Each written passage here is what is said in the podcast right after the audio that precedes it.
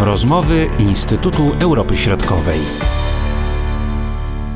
Pandemia koronawirusa ponownie uderzyła także w państwa Europy Środkowej i Wschodniej. W poszczególnych krajach sytuacja nieco się różni, zarówno pod względem dynamiki rozwoju pandemii, jak i zastosowanych metod, które mają ją ograniczyć.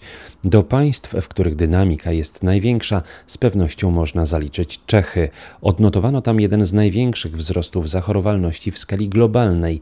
Przyczyniło się do tego rozluźnienie działań prewencyjnych w ostatnich miesiącach.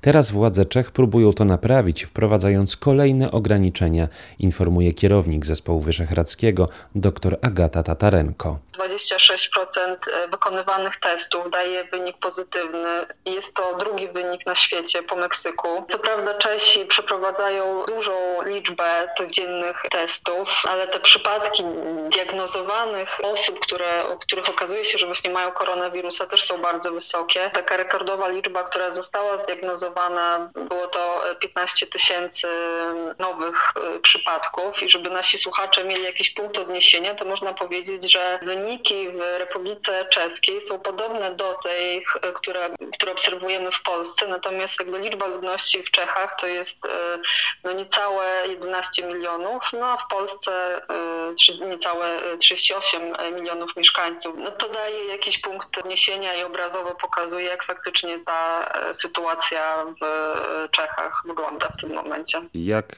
rząd Czech zamierza tutaj reagować i działać? Rząd wprowadza różne y, zmiany w kwestiach właśnie życia społecznego, jak ta dyscyplina w tym momencie jakby kryzysu zdrowotnego w Czechach ma wyglądać i wprowadzano e, stopniowo różne zmiany, coraz bardziej zaostrzano tę dyscyplinę społeczną. W tej chwili zamknięta jest e, większość sklepów, punktów usługowych, e, urzędy otwarte są tylko przez kilka godzin w tygodniu, przy czym żeby załatwić jakąś sprawę, to trzeba wcześniej umówić się.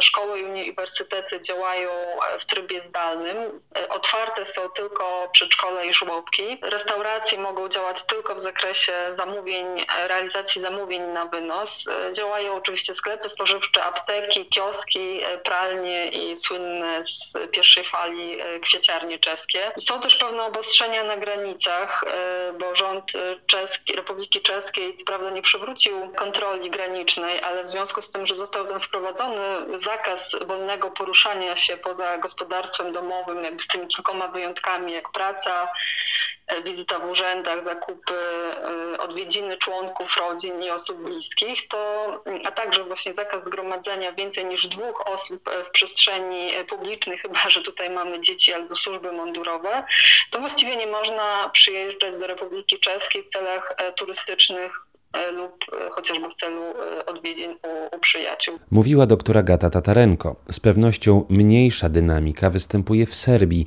chociaż niewykluczone, że to się zmieni w związku ze specyficznym podejściem Serbów do reżimu sanitarnego. Działania serbskich władz w ostatnich miesiącach można określić jako sinusoidalne.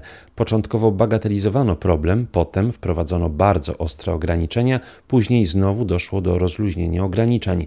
Nakładając na to dodatkowo kilkumiesięczne problemy z powołaniem rządu, sytuacja wydaje się być skomplikowana.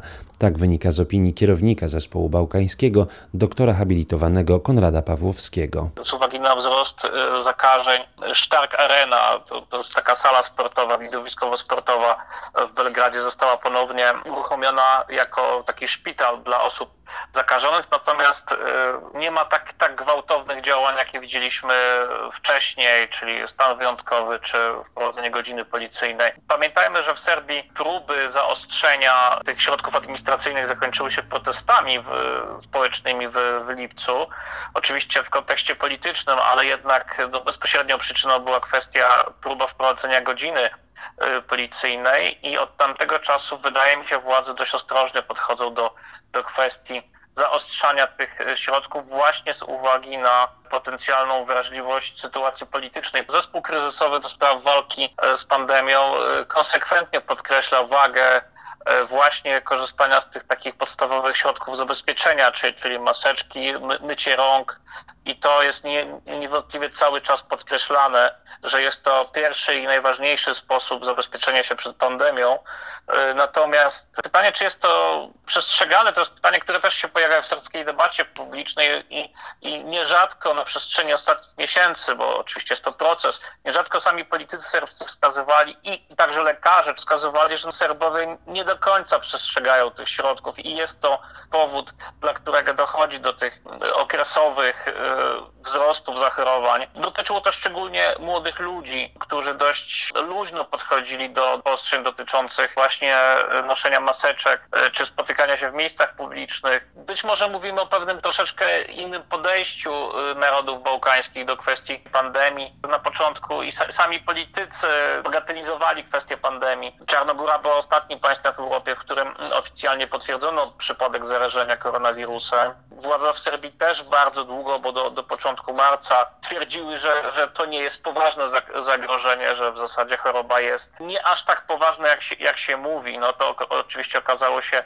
okazało się nieprawdą. Mówił doktor habilitowany Konrad Pawłowski. Wzrost zachorowalności widać także na Litwie i na Łotwie. Trochę inaczej, przynajmniej na razie, sytuacja wygląda w Estonii, podkreśla kierownik zespołu bałtyckiego dr Aleksandra Kuczyńska-Zonik. Najpoważniejsza sytuacja występuje na Litwie. W związku z tym podjęto decyzję o wprowadzeniu lokalnej kwarantanny w dużych miastach, w Wilnie, Kłajpedzie i w Kownie. Kwarantanna dotyczy nałożenia obowiązku noszenia maseczek w miejscach publicznych, e, maseczek w transporcie miejskim. Ograniczona jest też liczba osób e, korzystających z transportu miejskiego. Wiele jest obostrzeń, które ograniczają działalność gospodarczą e, na Litwie. Prowadzony został nakaz rejestracji osób korzystających z miejsc rozrywki czy odpoczynku, czyli w kinach, restauracjach, klubach e, sportowych. Wiele sektorów e, ucierpiało, e, zwłaszcza sektor gastronomiczny, firmy przywozowe czy organizatorzy imprez. Jakie działania, które mają na celu wspieranie przedsiębiorczości wprowadzono? W dalszym ciągu wypłacane są świadczenia dla osób, które utraciły pracę. Są wprowadzone dopłaty postojowe czy odroczenia dla, dla firm. Natomiast rząd e, rzeczywiście koncentruje się na takich e, instrumentach jak cyfryzacja, e, wzmocnienie globalnej konkurencyjności Litwy poprzez programy właśnie digitalizacji czy innowacyjności. A w przypadku Łotwy wygląda podobnie, czy Estonii? Jeśli chodzi o odpowiedź rządu, to podobnie jak na Litwie, rząd łotewski koncentruje się na wsparciu projektów innowacyjnych e, i mm, wsparciu dla młodych ludzi, e, startupów. Przewidywane są programy szkoleniowe w zakresie przedsiębiorczości, e, wspieraniu osób samozatrudnionych czy instytucji edukacyjnych. Sytuacja w Estonii w porównaniu do państw bałtyckich nie jest taka zła, to znaczy w ostatnich dniach nie notowano wysokiej liczby zakażeń. Na, według danych WHO w ostatnich, 12, w ostatnich 14 dniach liczba zachorowań w stosunku do 100 y, tysięcy, na 100 tysięcy mieszkańców e, pozostawała jedną z najniższych e, w całej Unii Europejskiej. W Estonii również rząd e, koncentruje się na wspieraniu przedsiębiorczości, także branży turystycznej, branży budownictwa. Restrykcje nie są aż tak bolesne i uciążliwe jak w pozostałych państwach bałtyckich. Mówiła dr Aleksandra Kuczyńska-Zonik. W takich państwach jak Białoruś czy Ukraina pandemia nakłada się na skomplikowaną sytuację polityczną i gospodarczą, informuje starszy analityk w Zespole Europy Wschodniej dr Andrzej Szabaciuk. Sytuacja gospodarcza Ukrainy jest dość trudna, bo ponad 30% przedsiębiorstw odnotowało straty w ostatnich miesiącach. Tak więc Ukraina ma ten sam problem co Polska, czyli po prostu no, nie stać Ukrainy w tym momencie na całkowite zamknięcie i to będzie pewnie ostateczność tylko w takiej sytuacji, kiedy nie będzie innego wyjścia. Teraz Ukraińcy działają na zasadzie sektorowej, czyli zamykają poszczególne regiony, w których e, liczba osób zakażonych gwałtownie rośnie. Podobnież jeśli chodzi o, o Białoruś, widzimy tam, że liczba zakażonych osób e, stale rośnie. E, oczywiście to nie jest ta skala, bo Białoruś jest mniejszym państwem po pierwsze, a po drugie, no też jeśli chodzi o Białoruś, to widzimy, że te statystyki białoruskie są trochę mało wiarygodne. Białorusini od początku pandemii podawali dane dość niskie i pytanie jest takie, czy, czy, one, czy one odpowiadają rzeczywistości.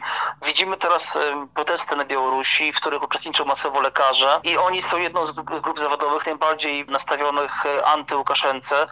Dlatego między innymi, że krytykują właśnie jego działania w walce z pandemią COVID-19. I to wynika też z tego, że oni widzą, że w szpitalach po prostu przebywa ludzi chorych na, na płuca, ludzi z problemami z oddychaniem. Władze próbują e, sugerować, że są osoby na przykład chore na gruźlicę czy na zapalenie płuc, tak naprawdę wiemy, że te symptomy, które, które oni obserwują, wskazują, że to może być COVID-19. To jest wielkie wyzwanie dla, e, dla władz e, państw Europy Wschodniej, ponieważ liczba zakażonych gwałtownie rośnie. Najprawdopodobniej no, ten scenariusz które znamy z innych państw europejskich, także tutaj będziemy, będziemy obserwowali. W Rosji podobna jest sytuacja. Państw większości no, nie stać na to, żeby decydować na radykalne kroki, no, ale powiedziałem, nie będzie innego, innego wyjścia, to zapewne będziemy obserwowali kolejny lockdown w tym regionie co się odbije fatalnie na sytuacji gospodarczej oczywiście.